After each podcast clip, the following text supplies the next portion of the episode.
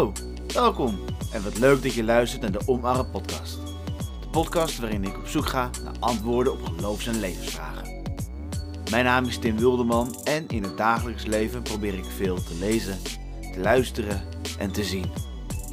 Ik wandel graag en zoek graag de stilte op. En alles wat ik ervaar probeer ik woorden aan te geven. Dan schrijf ik een blog en dit werk uit tot een podcast. De blog is te lezen op mijn website www.timwilderman.nl. En deze keer heeft de Omarm podcast als titel Dit wonder is voor jou bedoeld. Soms gebeuren er wonderen in je leven.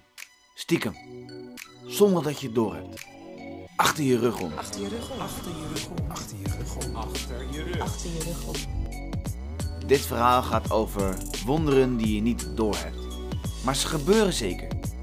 God werkt op manieren die we ons niet voor mogelijk houden. In deze podcast wil ik laten zien dat er ook wonderen in jouw leven gebeuren. Maar dat je niet altijd doorhebt dat het om jou gaat. En dit ga ik uitleggen door wat er gebeurde op de bruiloft in Cana. Dit is de Omarm podcast.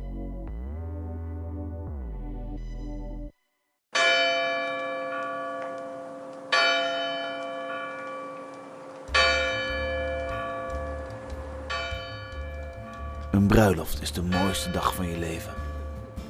Dit is wat ik vaak mensen hoor zeggen.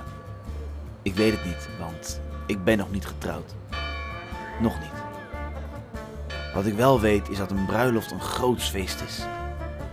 Iedereen is prachtig gekleed. Er is heerlijk eten en er is heel veel drank. Een mooie omgeving, prachtige inrichting. Bloemen en kaarsen. Een paradijselijke dag. Voor Joden is een bruiloft een enorme eer. Joden zijn sowieso een erg gevoelig volk. Het gaat vaak om aanzien. Tijdens deze bruiloft zijn er heel erg veel gasten aanwezig. Het is gezellig. Iedereen is blij en heeft het naar zijn zin. Maar, huh?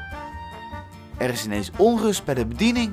Oh nee, het is er. De wijn is op. De wijn is op. Hoe kan het nou? Ja, geen idee. Ja, en nu? Wat nu? Dit is een schande voor de bruid en de bruidegom. Wat is er aan de hand? Ja, de wijn is op. Dat is echt een schande in die tijd. Je bent gewoon te armoedig om een fatsoenlijke bruiloft te organiseren. En niet alleen de bruid of de bruidegom, maar voor de hele familie is het een schande. Ja, in die tijd nodigde je niet alleen je directe familie en wat vrienden uit, maar het hele dorp was uitgenodigd. Jezus was er met al zijn discipelen. De moeder van Jezus, Maria, was er ook. Er wordt niet gezegd wie de bruid of bruidegom is. Die worden niet genoemd. Maar wat er gebeurt in dit verhaal is dat hun bruiloft wordt gered door Jezus, zonder dat ze het doorhebben. Bruiloften waren toen niet zomaar feesten, het was een meerdaags feest. En dit feest duurde een week. Jezus zorgde ervoor dat de bruiloft een groot succes was, zonder dat de bruid en bruidegom het doel hadden. Er was geen wijn meer. Dat is echt flink balen. Maar ja, ehm, ja, ik ga niet naar een bruiloft om de hele dag aan het water te zitten. Ik zou dan ook wel een goed glas wijn en een spaatje goud met een lekkere maaltijd willen. Ja, dus hoe balen is het dat er geen wijn meer is? Als jij gasten over de vloer hebt, dan wil je je gasten toch ook iets te drinken aan kunnen bieden? Hoe vervelend is het dan dat je gasten met lege handen staan op de mooiste dag van jouw leven? Je wil niet dat ze zeggen: hey, weet je die bruiloft van Tim nog, waar we niks te zuipen hadden? Saai!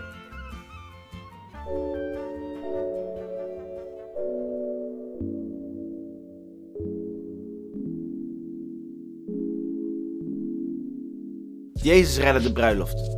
Dit door 600 liter water in wijn te veranderen. Dit wonder ken je misschien wel. Maar wist je ook dat het om zoveel liter ging? Nu kan je dit wonder wel zien als een reden om flink ordinair te gaan zitten suipen.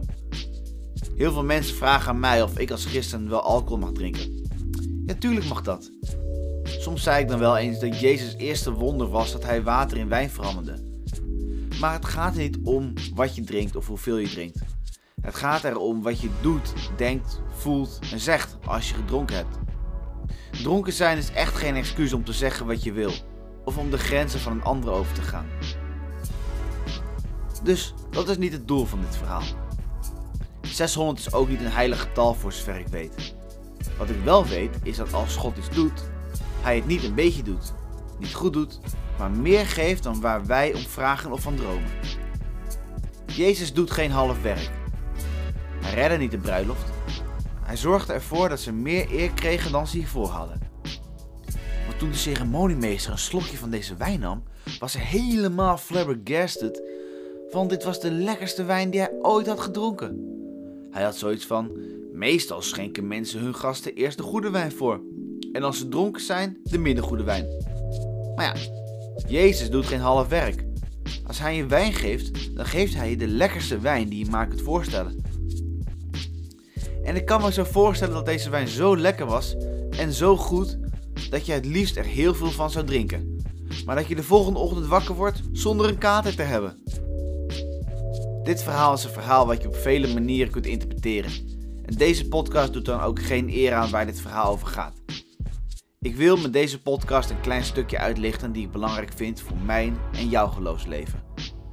Want dit wonder was niet per se bedoeld voor de gasten, die waren al bijna dronken en die boerde het niet wat voor wijn ze voorgeschoteld kregen.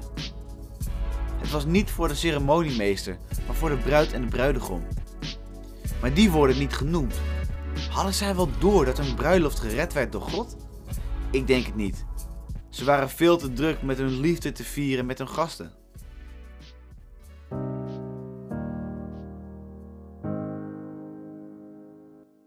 Wat ik met deze podcast aan je wil meegeven is het volgende.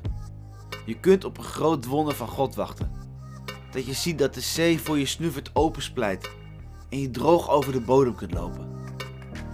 Of dat je vuur voor je uit de hemel komt. Of bergen voor je van plaats veranderen. Soms gebeurt er een wonder, zonder dat je het doorhebt. Een oude vriendin van mij moest ooit voor een groepje tieners staan bij een vakantiebijbelclub. Ze had haar verhaal nog niet helemaal af en ging in de ochtend voordat ze haar verhaal moest houden het verhaal schrijven. Ze had dus tijddruk. Het leek alsof ze haar verhaal in een uur had geschreven, maar in werkelijkheid waren er maar vijf minuten verstreken. Het was een wonder, zonder dat ze het doorhad. Soms word je de goede richting ingeduwd. Lijkt iets toeval. Je hebt het niet gelijk door, maar het kan een knipoog van God zijn. Dat je ineens precies weet wat je moet zeggen.